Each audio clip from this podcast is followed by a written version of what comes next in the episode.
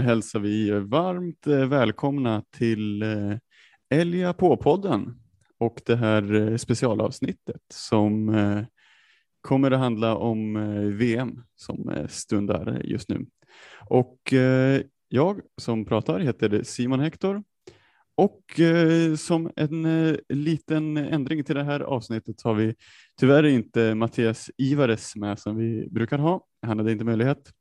Så då hälsar istället välkommen till eh, Joel Börjesson Eriksson. Tack så mycket. Ja, det ska bli kul att vara med. Ställa upp när Mattias inte kunde. Ja, det är ju, eh, du har ju varit med och eh, snackat om ditt företag TBM Mapping som sponsrade ett avsnitt här tidigare. Ja, precis. Det var, det var kul och det är roligt att få vara med igen. Mm. Och som sagt, just nu är det ju fotbollsfeber i eh, hela Europa med eh, stundande EM. Men eh, nu kommer vi till den stora händelsen under, eh, under sommaren skulle jag säga sportmässigt. Eller vad tycker du Joel? Ja, absolut. Det här har jag sett fram emot länge. Vi, Sverige har ju lite större chanser inom orienteringen än vad vi har i fotbollen. Ja, vi hoppas att alla våra lyssnare är lika taggade som du, för nu väntar ju VM i Tjeckien här. Eh, jag är på plats eh, oväntat eh, nog. Det är lite spännande. Ja, jag kan förstå. Men resultatet på VM-testerna så ja, jag tycker nog att du hade förtjänat en plats. Ja, jag är ju alltså här som, som reserv och då reserv på plats, så jag kommer vara här under hela VM-veckan och jag har förberett mig för att, för att få en eh, start om det, om det skulle hända någonting. Så det, jag tycker det är väldigt kul att få, få vara med här med laget och, och se vad som händer och lära mig saker. Och sen så om det blir en, en start så är jag förberedd helt enkelt. Ja visst, det lär väl vara en bra erfarenhet av att bara ha varit på plats och ja, men, eh, förbereda sig på samma sätt som eh, du hade gjort om du skulle springa ett lopp, om du visste det. Ja, det är ju lite intressant att sitta här och se hur, hur sprintlöparna förbereder sig, gå igenom varenda hörn i, i Street View. Sen så har eh, de som ska springa skogsdistanserna, de har ett eget litet möte och så är det kollar man vägvalssträckor och, och så vidare. Så det är, det är ju mycket förberedelse som, som görs och det är intressant att se och så. Ja, eh, vi ska ju snacka lite allmänt om, om VM nu då och sen så det som väntar här då, det är ju intervjuer med eh, fyra olika personer här i det svenska landslaget. Vi har med Thierry, vi har med Hanna Lundberg, vi har med Gustav Bergman och Tove Alexandersson. Så det hoppas vi att ni som lyssnar ser eh, fram emot. Men vi börjar väl att eh, snacka lite om det som väntar under VM då. Det är ju som sagt då i Tjeckien och eh, det är ganska spännande terräng som väntar på alla distanser egentligen. Ja, det ser ju helt fantastiskt ut. Jag har aldrig varit i terrängen själv, men eh, av terrängbilder och filmer och kartklipp så eh, ser det helt fantastiskt ut. Mm. Jag tänkte vi går igenom lite distans för distans eh, och pratar om vad vi tror vi har de största svenska medaljchanserna och lyssna till vad största svenska hoppen säger. Men vi kan väl göra så att vi helt enkelt tar och ser vad coachen i det svenska laget, Thierry Chorchou, säger om eh, det svenska landslagets förberedelser.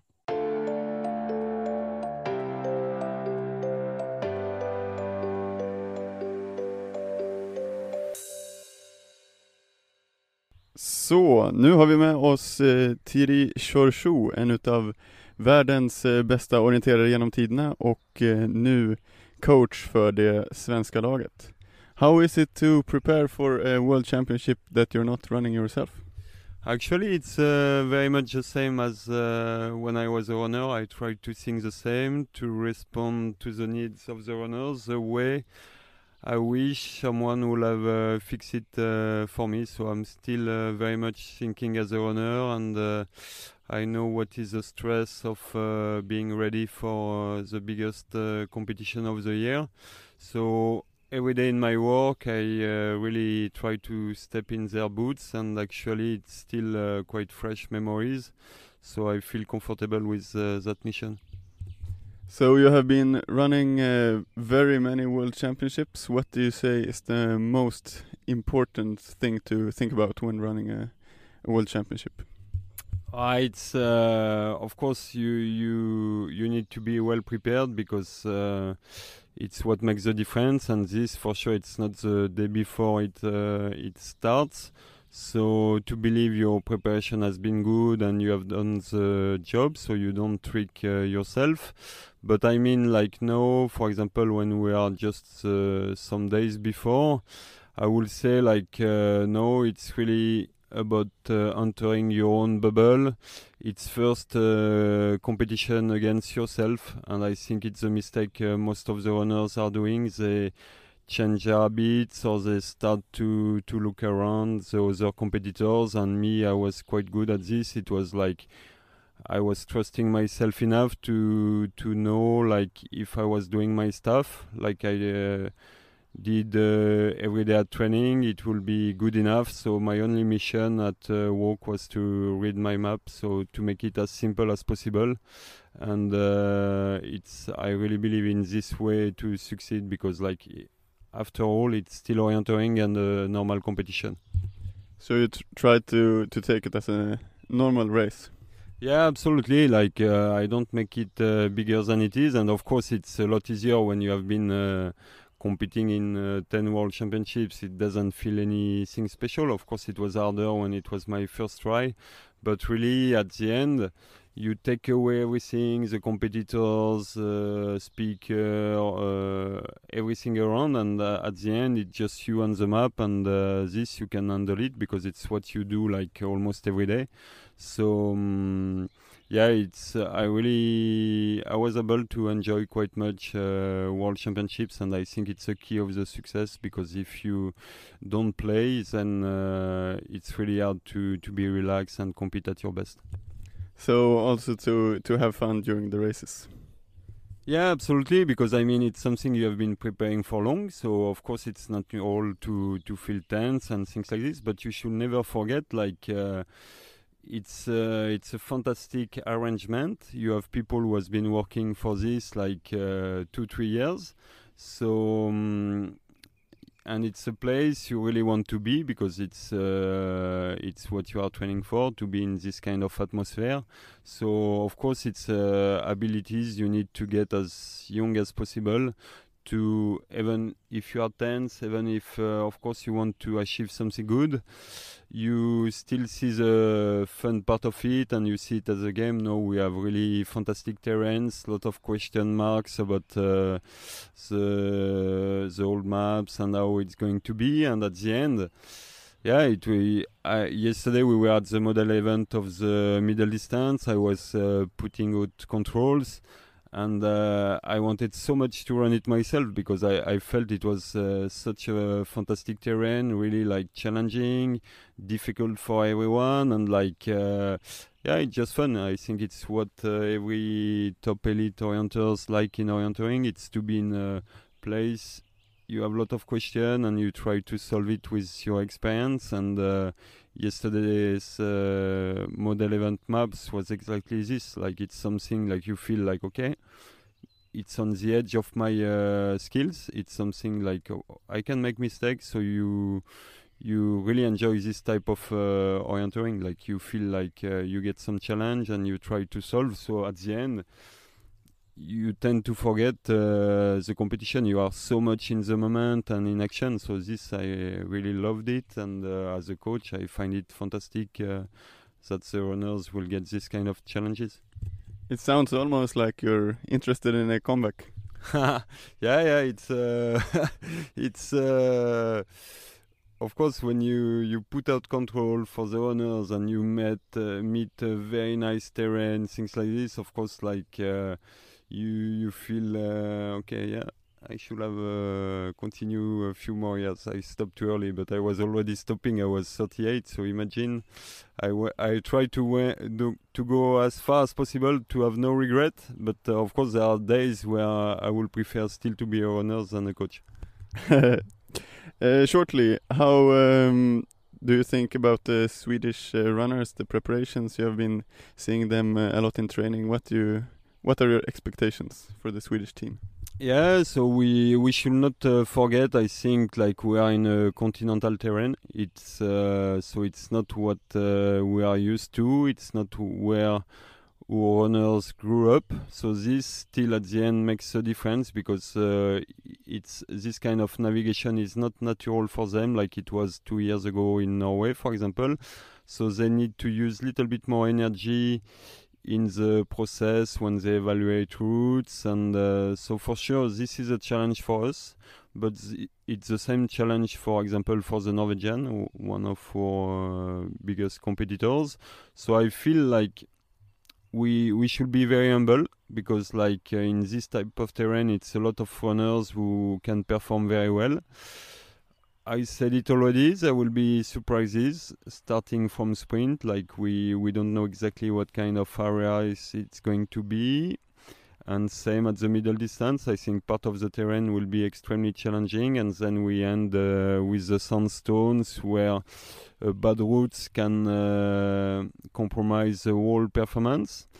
So it's uh, very very hard to predict uh, with uh, the big favorites for the races. Of course, we have like uh, very good cards to play on every distances, but um, I really want to see the courses and uh, the result because at the moment, for me, it's extremely hard to hard to say. We didn't have the competition last year as well, so it's like it has been a special uh, preparation with uh, not so much trip abroad. So I feel like uh, we should be very humble. It's uh, not for sure we will get top top uh, result, but uh, I feel like the runners has really used the opportunity as much as they could with travel restrictions. So I feel like we have we will probably get some opportunities, but uh, very very hard to say if it will be uh, as good as uh, two years ago or slightly less good. Of course, uh, as it's a continental terrain, I will say we will probably struggle a bit more to get the same result as uh, two years ago, and it's natural. Yes, interesting to hear your thoughts about WOC and the Swedish team. Uh, thank you very much. You're welcome. Thanks. Ja, det var intressant att höra Theoris eh, eh, inslag där och att, eh, var lite kul att han eh, nästan hade funderat på om han eh, eh, kanske avslutade karriären lite för tidigt för att han tycker att terrängen är så rolig där nere. Ja, han verkar ju verkligen, alltså man, man, märker ju på honom att han, han tycker ju verkligen om orientering och han, han brinner ju för det här fortfarande liksom. Det, jag tycker det har varit, det är ju spännande att vara på läger med honom och liksom bara se vilken, vilken insats han lägger. Eh, det är ju toppkvalitet på var, varenda träning så att det ska vara, vara riktigt relevant för VM och så vidare. Eh, han kollar upp så att det är en relevant kartritare så att det inte kartritaren är någon som, som vi inte kommer möta på VM så vi inte tränar på fel saker och så vidare. Så han gör ett ett enormt jobb i den här förberedelser och sånt. Ja, det är fascinerande att se vilket eh, engagemang han lägger ner på det. Ja, frågan är om man inte eh, är det mer förberedd än, än löparna. Ja, så kan det vara. Ja, eh, det är ju lite speciellt eh, med VM det här året. Det, det, det är väldigt kul att det kan bli av efter eh, allt med, med corona och så. Ja, har det varit några komplikationer att ta sig dit eller eh, vad har ni att eh, förhålla er till i coronarestriktioner? Ja, vi har ju nu eh, ett, ett, par dagar innan VM här då, så eh, har vi varit och eh, testat oss tillsammans hela laget då, eh, gjort PCR-test och så åkte vi tillbaka till vårt boende här och så var vi mer eller mindre isolerade då, eh, ensamma. Och sen när våra testsvar kom efter ett par timmar då, så visade det sig att alla var negativa. Då är vi helt enkelt inne i den här VM-bubblan då. Så tanken är att vi, vi som löpare och eh, ledarna inte ska, inte ska träffa några andra egentligen eh, utan avstånd, utan de som man träffar lite närmare det är liksom andra löpare och sådana som har, eh, som har också ett negativt test. Då. Ja, Okej. Okay. Hur är det med folk som kommer från olika håll då? Eh, till exempel har ju Håkan Karlsson varit i Idre här och kollat på världscuptesterna och kommer väl ansluta till er lite senare. Vad gäller för han när han kommer?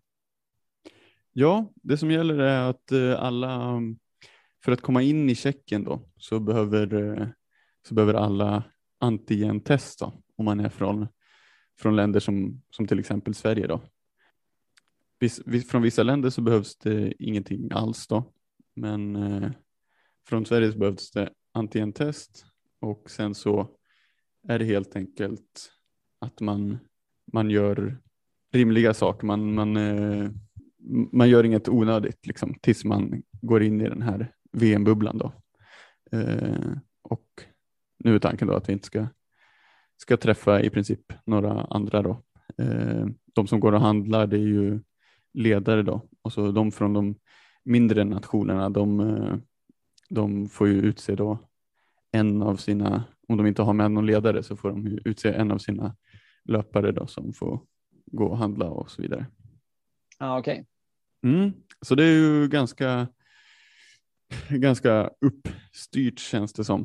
Eh, men det ska nog funka bra alltihopa, det hoppas jag. Och eh, vad jag hört så har det inte varit någon som har testat sig som har varit eh, positiv. Så, så det är bra att alla är negativa. Ja, det är väldigt skönt att höra att alla får chansen att vara med och delta och göra sitt bästa under loppen. Mm, exakt. Då eh, tänkte jag att vi skulle gå in och prata lite om eh, lopp för lopp. Vad, vad är det egentligen som väntar här under, eh, under VM-veckan? Då börjar vi med det som kommer först då, naturligt. På lördag 3 juli, då väntar alltså sprinten. Och eh, då väntar ett sprintkval och sen samma dag så blir det sprintfinal på eftermiddagen. Då. Så det blir ganska hårt med, med två lopp på, på en dag här. Ja, det blir ju tufft, men eh, det antar jag att eh, sprintlöparna är eh, förberedda för och inställda på eftersom de har bara ett lopp att eh, fokusera på, de flesta i alla fall. Ja, exakt. I, i det svenska laget så har man ju valt att, att göra så att eh, de, de flesta springer ju, de flesta som springer sprinten springer inte, inte skog då, men det är ju några som, som, som kör flera distanser då. Eh, men vi kan väl ta lite kring, kring terrängen. Precis som skogsterrängen är väldigt speciella så är ju även eh, den här sprintterrängen väldigt speciell. Så det som väntar, det är ju faktiskt ett, eh, ja, men en stad som är byggt som, ett, som en fästning i princip. Um, så det är massa med vallgravar och grejer och höga murar och gräsytor emellan de här. Då. Det ser väldigt spännande ut. Ja, det förstår jag. Det är lite som ett eh, citadell då, kanske som eh, Landskrona-sprinten i, från Swedish League för några år sedan. Eller det var kanske inte så mycket bebyggelse inuti det, mer som en borg, men ja, jag förstår vad du menar med, med vallgravarna runt och eh, murarna. Ja, det, det, ser väldigt spännande ut. Den här platsen har ju faktiskt ett, eh, väldigt, en väldigt intressant historia också.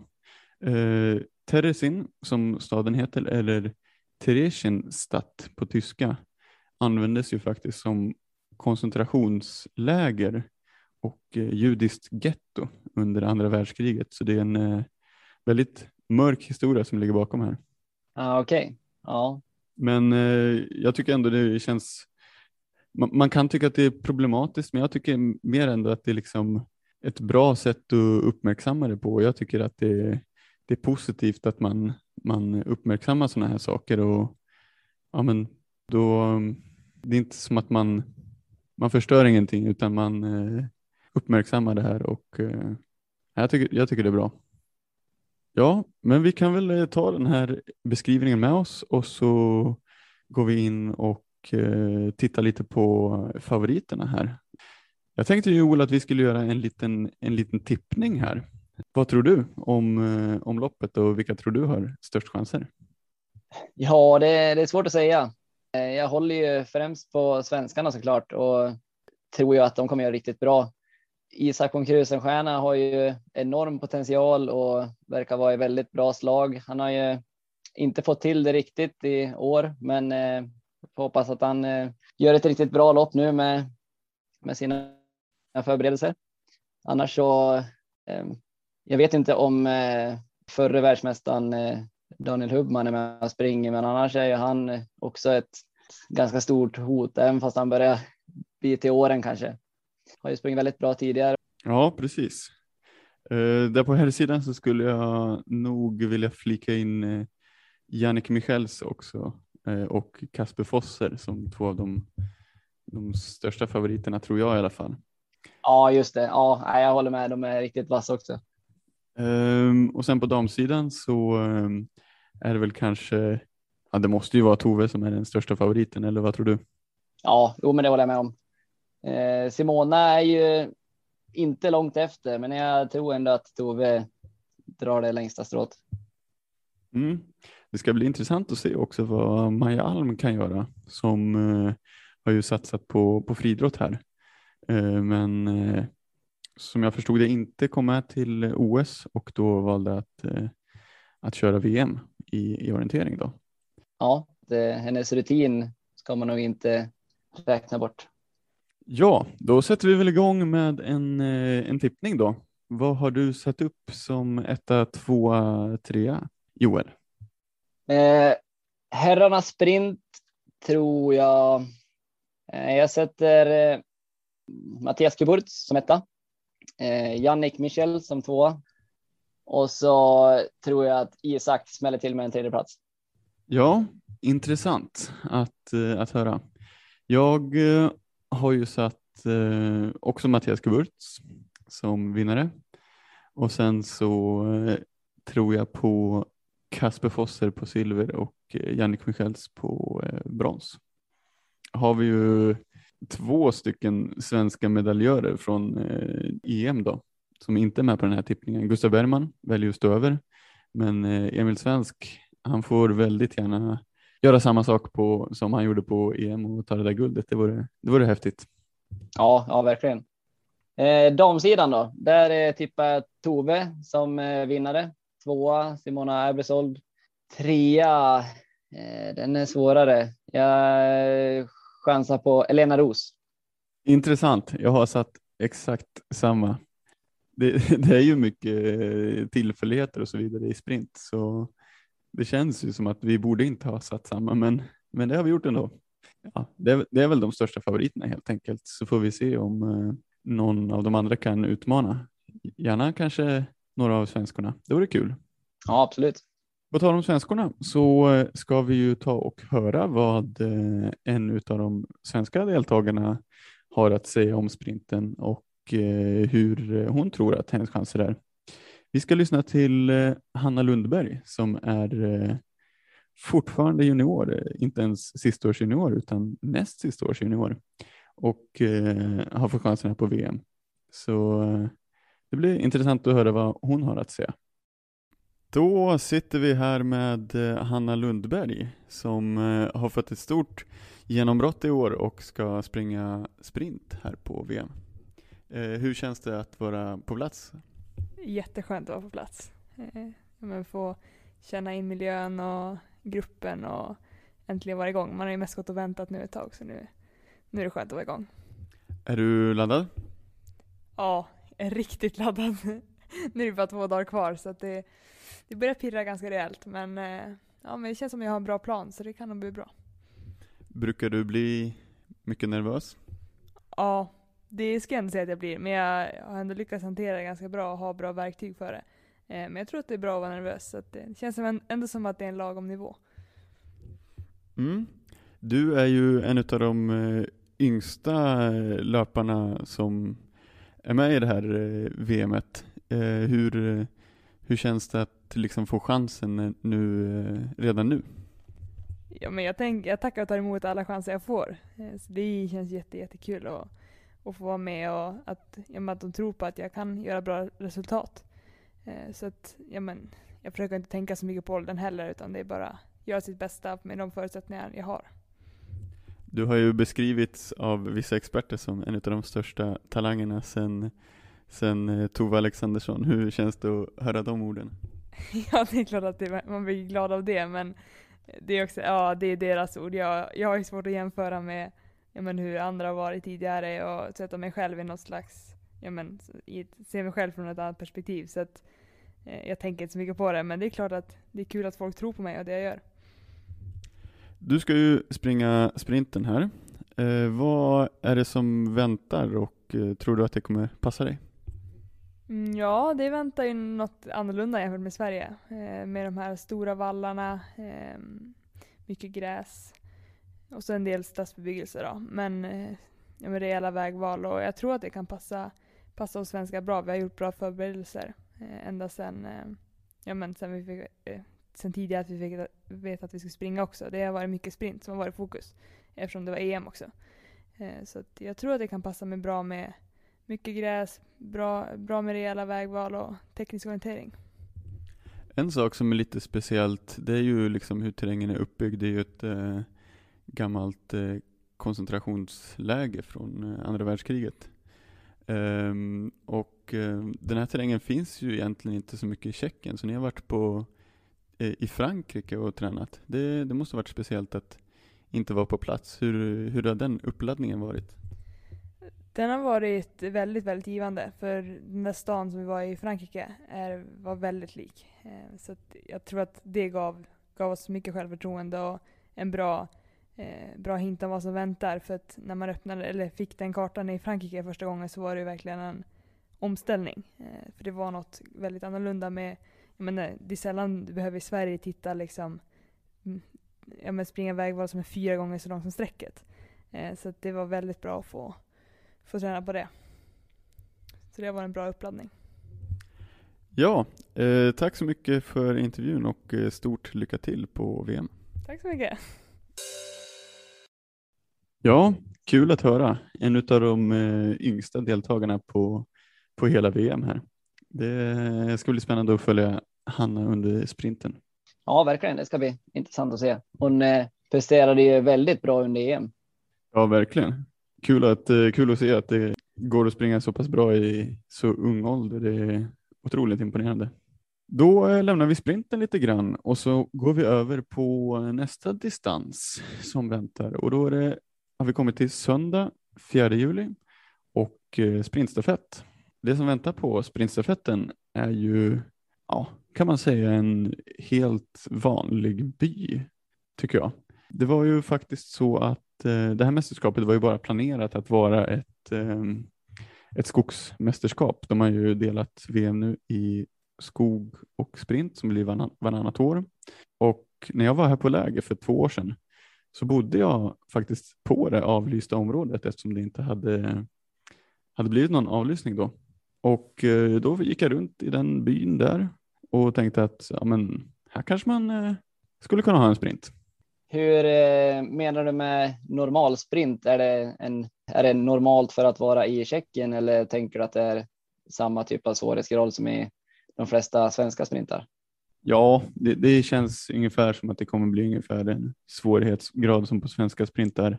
Som vi har sett på mästerskapen de senaste åren så känns det som att om man är sprintbanläggare då kan man hitta på lite kluriga saker. Så det är väl upp till dem om de har hittat något grinda man kan öppna eller någon liten innergård som går att öppna eller eh, stänga av någon gata för att göra det extra klurigt för löparna och så vidare. Men eh, annars så ser det ut som att det är ganska mycket så gator med ja, men lite större villahus eller liknande då. Men däremellan så finns ju vissa områden då med lite mindre bebyggelse och sen så lite öppna ytor och så. Så det blir nog men förhoppningsvis rätt bra för en sprintstafett. Har det funnits någon eh, karta i området sedan tidigare som löparna har fått tillgång till? Ja, det gick ju, det har ju gått eh, några liksom mindre sprintarrangemang, bara lokala tävlingar och så. Så det finns en eh, på nästan hela området då, finns en gammal karta som de kan förbereda sig med. Ja, Mm.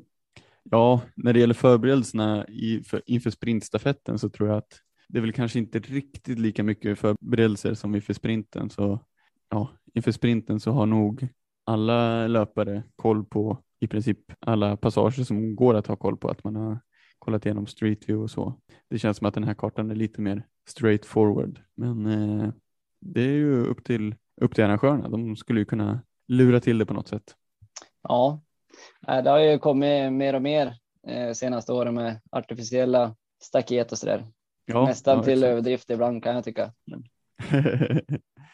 ja, jag tycker det är bra om man försöker få till en, eh, en tävling som är mycket orientering också, inte bara, inte bara löpning. nej, det är sig sant. Mm. Här har ju inte svenska laget släppt sitt lag och det är väl få andra, andra nationer som har släppt sina lag heller, men jag tänker att eh, vi kan väl eh, titta på vilka vi, vi tror är favoriterna. Vad tror du Joel?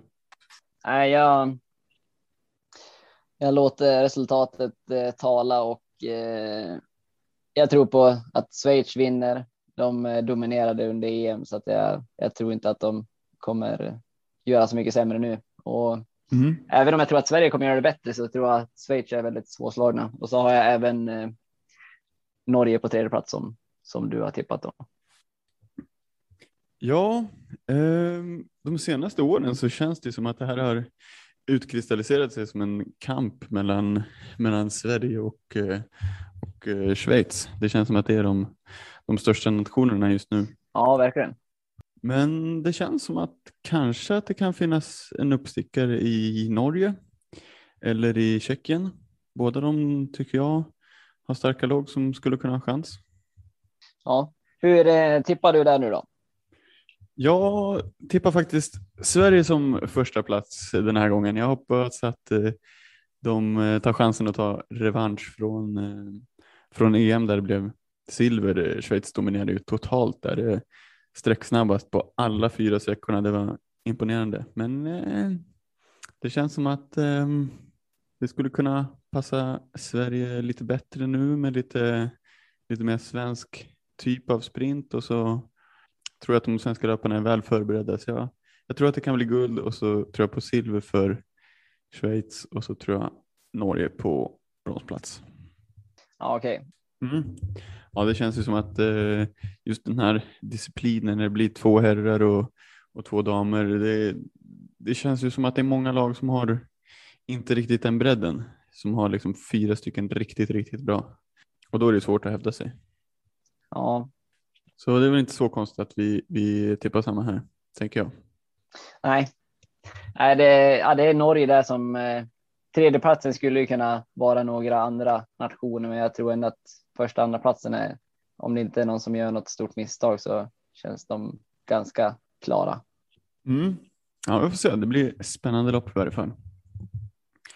Eh, nu ska vi gå över till uh, medeldistansen tänkte jag. Och då är vi inne på ehm, den eh, 6 juli här då. Förflyttas det till ehm, ja, ganska spännande bergsterräng här. De, ehm, de kallar ju det här för eh, Challenging Mountain Terrain skriver de. Och det här är ganska stenig terräng. Men det är inte riktigt stenigt på samma sätt som vi tänker på när vi tänker stenigt i Sverige, utan när vi tänker stenigt i Sverige då tänker vi ofta att ja, men då är det mycket stenar, små stenar på marken, svårt att springa och så vidare. Men det här känns mer som att det är många stora stenar, väldigt många stora stenar och så oftast går det ganska bra att springa på marken. Liksom. Det är såklart stenigt någonstans här och där, men oftast inte. Och sen så är det många olika grönområden. Det, det är kartor med olika nyanser av grönt lite här och där. Eh, men det som jag tycker är så extremt roligt med att springa på de här kartorna, det är att varje grönområde som är på, på kartan, det kan man liksom läsa på i terrängen. Så det, om det är ett sånt litet, litet, eh, en liten grön fläck, så är det också en liten grön fläck i verkligheten. Eh, vissa kartritare skulle nog välja att bara, ja men det här är ljusgrönt alltihopa. Men eh, här har de valt att rita det detaljerat och då blir det väldigt rolig orientering tycker jag.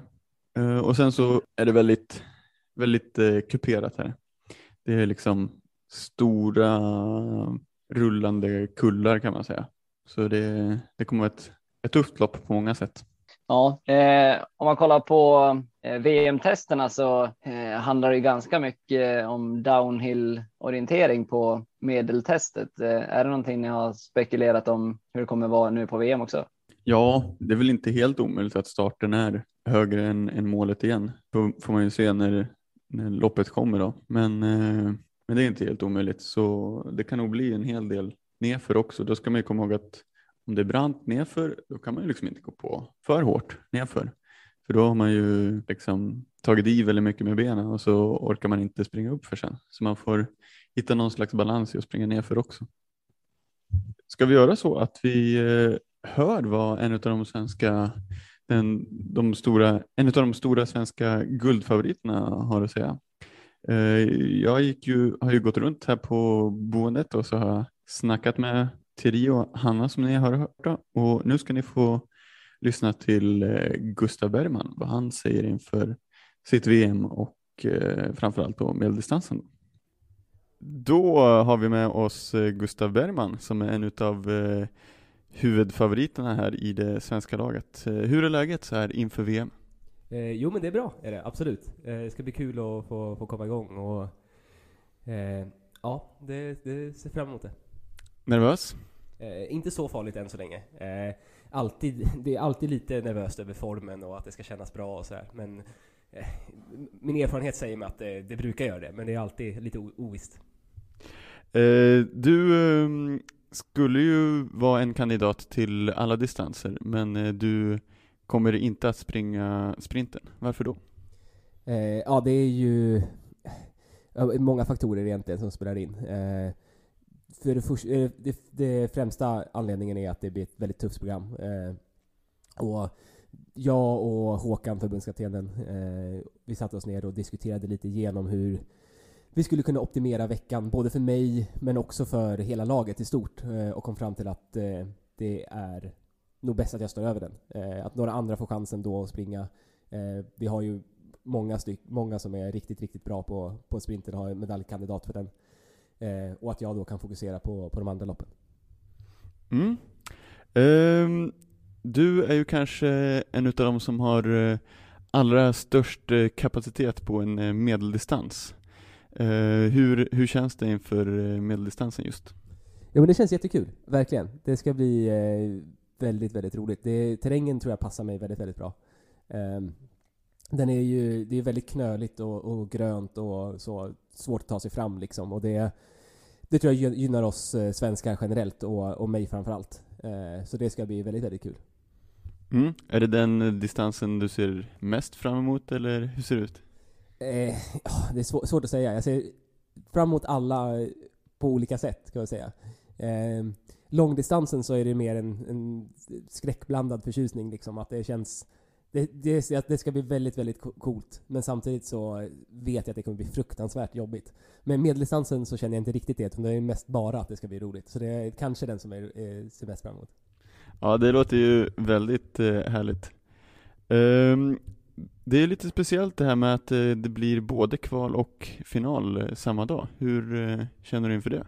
Ja, det är absolut speciellt. Ehm, jag känner mig ganska trygg i det. Jag tycker att det kommer, eh, det kommer gå bra. Jag, jag är väldigt van vid att springa dubbla hårda pass. Eh, har gjort det, ja men speciellt den här vintern har jag gjort det ganska mycket eh, och fokuserat på att, att få in vanan just inför sommar, den här sommaren då och, VM.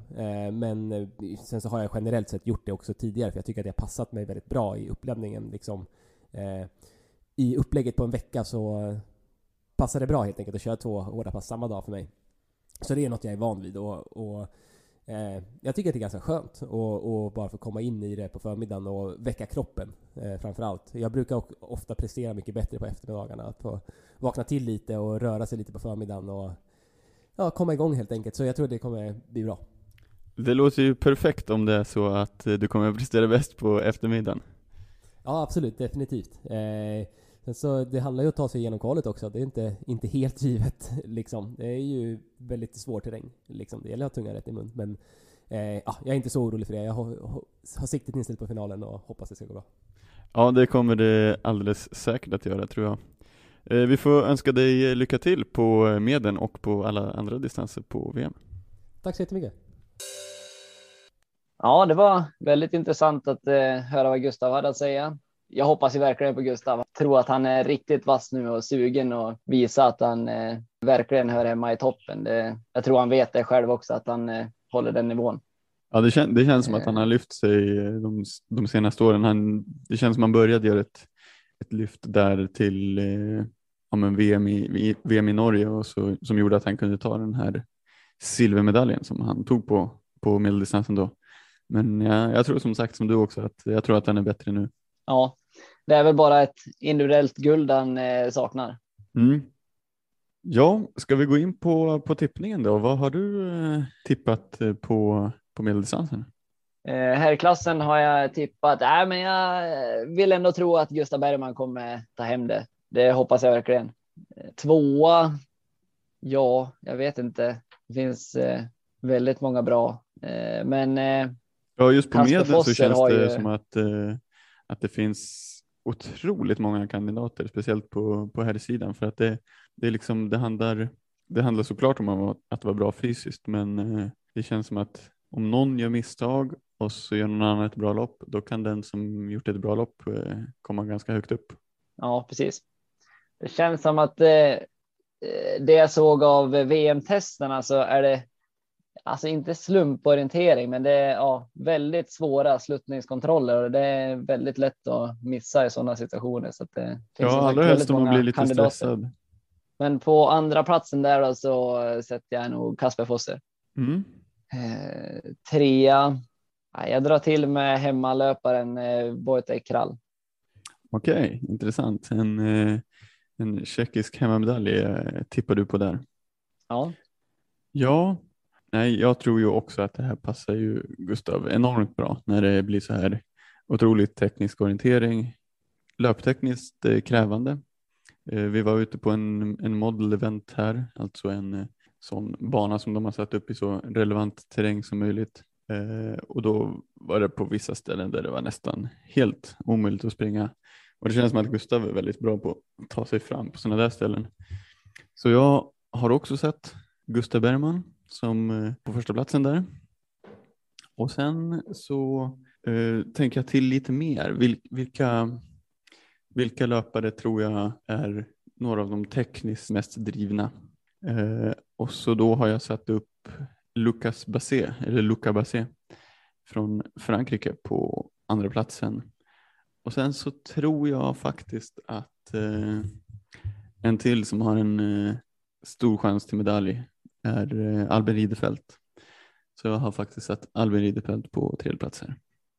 Okej, okay. ja, eh, Luca Bassé han eh, imponerade ju på VM-testet där och han har ju sprungit väldigt bra tidigare så att eh, ja, kul om mm. eh, Frankrike kan eh, få en medalj också. Skulle Thierry bli, bli glad då tror du? Ah, jag tror faktiskt han är mer på, på svenskarna nu, men jag tror att han eh, såklart också okay, ja. gläder sig åt en fransk medalj. Ja, men det får man väl hoppas att han gör. Ja, och damerna. Eh, nej, men jag tippar på Tove Alexandersson. Jag tror att hon är, eh, hon är så pass överlägsen att hon eh, kommer ta hem medeldistansen också. Mm. Och, eh, och även Simona på en andra plats, precis som sprinten. Eh, tredjeplatsen, eh, ja, svårt att säga. Eh, de övriga svenskorna har ju faktiskt bra chans där tror jag. Ja, verkligen. Så att jag, äh, men jag drar till med Sara Hagström. Mm. Ja, spännande. Eh, ja, jag um, tror ju också på att, uh, att Tove är ju den starkaste favoriten på, på alla distanserna. Så uh, jag tänker att eh, om jag ska tippa så ska jag nog tippa henne först på, på alla distanserna. Så jag har satt Tove Alexandersson där också. Och sen tycker jag det är ganska svårtippat. Ganska många namn som, som känns ganska lika här. Mm. Det här är svårtippat tycker jag. Mm. Ja, som sagt, det är väldigt eh, svårtippat. Det känns som att det finns, finns väldigt många som som skulle kunna göra det bra. Men eh, jag tror ändå på samma sätt som du att eh, Simona Ebersold är en av de största favoriterna på, på alla distanserna och eh, jag har satt henne som två också. Och eh, på tredje plats så undrar jag om inte det skulle kunna vara en eh, tjeckisk löpare. Det känns som att de har ganska bra koll på terrängen så jag har satt upp Denisa Kosova på eh, tredjeplatsen. Ja, Okej, okay. intressant. Mm, men det är som sagt väldigt öppet. Det känns som att det är många som skulle kunna ha, ha chansen och det finns ju till exempel många, många av svenskarna som är väldigt starka. Och eh, efter eh, medeldistansen så väntar ju en helt annan terräng på eh, stafett och långdistans. Det som väntar är ju en riktigt spännande sandstensterräng med massor med raviner. Otroligt branta. De kan vara liksom 50 höjdmeter eller till och med upp mot 100 eller mer höjdmeter i en och samma ravin som man måste liksom klippa då. Och så på de här, i de här ravinerna så ligger massa sandstensformationer och branter och klippor och stenar och grejer. Så det, det här är otroligt spännande terräng som löparna ställs inför. Och eh, det som väntar är alltså en stafett och det är tre sträckor var, damer och eh, herrar. Ungefär 35 minuters vinnartid, så det här är ungefär som en, en medeldistans i längd då, kan man tänka. Och sen så väntar det riktiga kraftprovet som är en eh, långdistans över eh, för damerna endast 9,5 kilometer. Men det är alltså 690 höjdmeter som de beräknas ta. Så det kommer ta sina 80 minuter ändå. Och herrarna ska bara springa 13,6 men med över 1000 höjdmeters stigning så beräknas det ta 99 minuter. Det blir eh, tufft det här. Ja, men det låter som att det kommer bli en riktigt tuff eh, långdistans. Eh, det med beräknad vinnartid, det var ju någonting man misslyckades ganska rejält med här på världscuptesterna i Idre där det skulle vara 95 minuters segertid och Martin Rekman sprang på 77. Så att, eh, vi får väl hoppas att de eh, tippar lite bättre på segertiden på VM. Ja, det, eh, det, var ju ganska stor felmarginal. Vi får hoppas att det är bättre på VM nu då. Ehm, ja, då kan vi väl direkt dra in på eh, tippningen av eh, stafetten. Vad har du skrivit upp där Joel? Eh, herrarnas stafett, där tippar jag Sverige eh, etta. Jag tror de eh, kommer om samma bedrift som i Norge för två år sedan. Eh, och jag tror att eh, Norge tar andra platsen och eh, Schweiz blir trea. Mm. Intressant. Jag har ju också tänkt ungefär på samma sätt att eh, man, man sätter upp favoriterna. Sen såg vi ju förra gången på VM i Norge att eh, det var ju Finland som skrällde sig till ett, ett silver där. Så mycket kan ju hända i en stafett. Men jag har satt upp Norge som etta och sen så tror jag att den här eh, väldigt speciella terrängen den kan eh, gynna, gynna tjeckerna. Så jag har satt upp tjeckerna på, på andra plats och sen så tror jag att schweizarna är starkast och jag har satt dem på tredje plats. Men jag hoppas naturligtvis att eh, svenska laget kan eh, motbevisa mig här. Ja, inte ens en pallplacering för Sverige alltså. Ja, det ska bli spännande att se. Ja, nej, det, är, det är som sagt väldigt öppet. Det är många, många lag som kan slåss om det med, med bra lopp tror jag. Mm. Vad har du satt för tippning på damsidan Joel? Eh, damernas stafett där tippar jag eh, Sverige som eh, vinnare. Jag tror på Schweiz att de blir tvåa och så tror jag att eh, Tjeckien blir trea. Okej, då har vi satt exakt samma pall där igen. Ja, jag, jag tycker det känns som att eh, Sverige och Schweiz har lite starkare lag på pappret än alla andra och det ser ut som att du har tänkt på samma sätt. Ja, Nej, men jag tror att eh, Sverige och Schweiz eh, sticker ut och eh, jag tror att eh, bästa laget efter dem så har tjeckerna eh, som fördel av att de har hemmaterräng. Mm. Ja, då har vi tänkt liknande. Ja, då kan vi gå över till, eh, till långdistansen då. Och Eh, här har vi ju fått möjligheten att få en eh, intervju med eh, troligtvis den allra hetaste inom orienteringsvärlden just nu. Så vi tar och lyssnar på vad Tove Alexandersson säger i, nu före sitt VM och framförallt då kring långdistansen. Ja, då sitter vi med Tove Alexandersson, en av Sveriges bästa orienterare genom tiderna och drottning vid förra VM. Hur är eh, känslan inför VM som väntar? Det känns väldigt bra tycker jag. Det ska bli spännande att det drar igång. Mm. Eh, hur har eh, uppladdningen sett ut och hur, hur är känslan? Jag har varit på hög höjd i Österrike och så har jag varit mycket i Tjeckien. Så jag har inte varit hemma i Sverige på de senaste veckorna. Men träningen och allting har flutit på väldigt bra. Så nej, jag har en bra känsla inför det här mästerskapet så det ska bli kul att få starta snart. Ehm, tycker du att du får en bra, bra känsla efter att ha varit i, i höjden eller eh, svarar du bra på det eller? Ja men det tycker jag. Jag har aldrig testat det förut inför något eh, mästerskap på sommaren men de två senaste vintrarna så har jag varit väldigt mycket på hög höjd eftersom jag varit mycket i Alperna och jag tycker att jag svarar bra på den typen av träning så jag hoppas att det ska ge bra effekt till det här mästerskapet.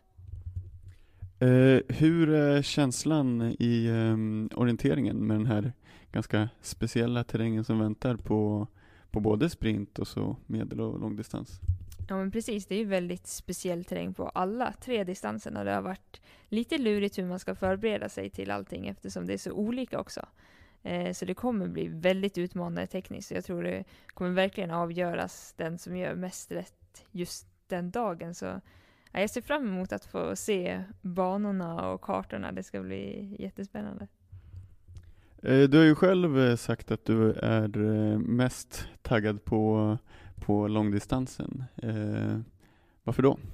Eh, nej men jag, jag gillar ju långdistans väldigt mycket och jag tycker att det går i väldigt häftig terräng nu. Det eh, kommer bli väldigt lurigt vägvalsmässigt och även väldigt orienteringstekniskt in mot kontrollerna. Så jag tycker att det här verkligen är en bra långdistansterräng. Så därför ska det bli väldigt kul att få springa en VM-lång i den här terrängen. Vilka tror du är eh, nycklarna för att, för att lyckas på långdistansen här nästa fredag? Eh, men jag tror att eh, verkligen ha koll på kuperingen och backarna och att eh, se till så man inte fastnar i någon riktigt brant backe utan att ta vägval som man känner sig ja, men säker på. Och eh, man kanske tappar lite tid på något men just det här att undvika de dåliga vägvalen, det tror jag är verkligen är nycklarna. Och sen att verkligen stå på fokus när man ska ta kontrollerna för det kommer bli lurigt i ringen. Det låter bra. Eh, vad har du för eh, mål nu inför VM? Eh, nej men såklart så vill jag ju vara i toppen, det är det jag tränar för. Men nu är det bara att fokusera på sina egna prestationer och försöka göra loppen så bra som möjligt. Då får vi säga stort lycka till på VM och eh, tack för att du var med på intervjun. Tack så mycket, tack själv. Ja, kul att höra Tove. Hon är ju som sagt eh, stark guldfavorit i allt hon, hon ställer upp med. Eh, så det ska bli spännande att följa hennes VM. Ska vi gå in på eh, tippningen av långdistansen då? Vad har du satt upp Joel? Ja, herrarnas långdistans. Där har jag tippat Kasper Fosse som segrare. Han eh, imponerade väldigt stort på VM-testerna och har visat eh, väldigt fin form inför mästerskapet här. Eh, andra plats tror jag på eh, Gustav Bergman. Eh, jag tror att han eh, behärskar den här typen av terräng också. Och trea eh, Lundanäs. Han har ju sin segersvit sedan eh, många år tillbaka, men jag tror inte att han räcker ända fram i år. Men jag tror att han har stor potential att kunna ta en pallplats i alla fall. Mm. Ja, intressant. Jag eh, har ju tänkt ganska eh, liknande som du att eh, Kuburts och Fosser är de eh, stora favoriterna. Eh, med tanke på deras riktigt bra testlopp som de har gjort. Eh, och då har jag valt att sätta i min tippning Kuburts först och eh, Kasper Fosser två. Och sen så eh, finns det ju väldigt många utmanare som sagt och eh, jag tror att en av de största kan vara Emil Svensk från Sverige med tanke på hans eh, enorma kapacitet i eh, den fysiska kapaciteten. Så därför har jag satt honom som trea. Ja, och eh, min tippning på, på damernas eh, långdistans det är ju som jag sa tidigare så eh, Tove är ju en guldfavorit i allt hon ställer upp i tycker jag. Eh, så därför har jag satt henne som etta. Och så tror jag, precis som på de andra distanserna, att eh, Simona Ebersolds kapacitet är väldigt stark. Så därför har jag satt henne som tvåa. Och sen eh, en som jag tyckte har imponerat mycket nu under våren är Andrine Benjaminsen. Så då har jag satt henne som trea. Men eh, som sagt, det finns flera utmanare här och jag tror att eh, några av de svenska tjejerna till exempel är sugna på att göra det riktigt bra. Så det ska bli intressant att se vad de kan få till.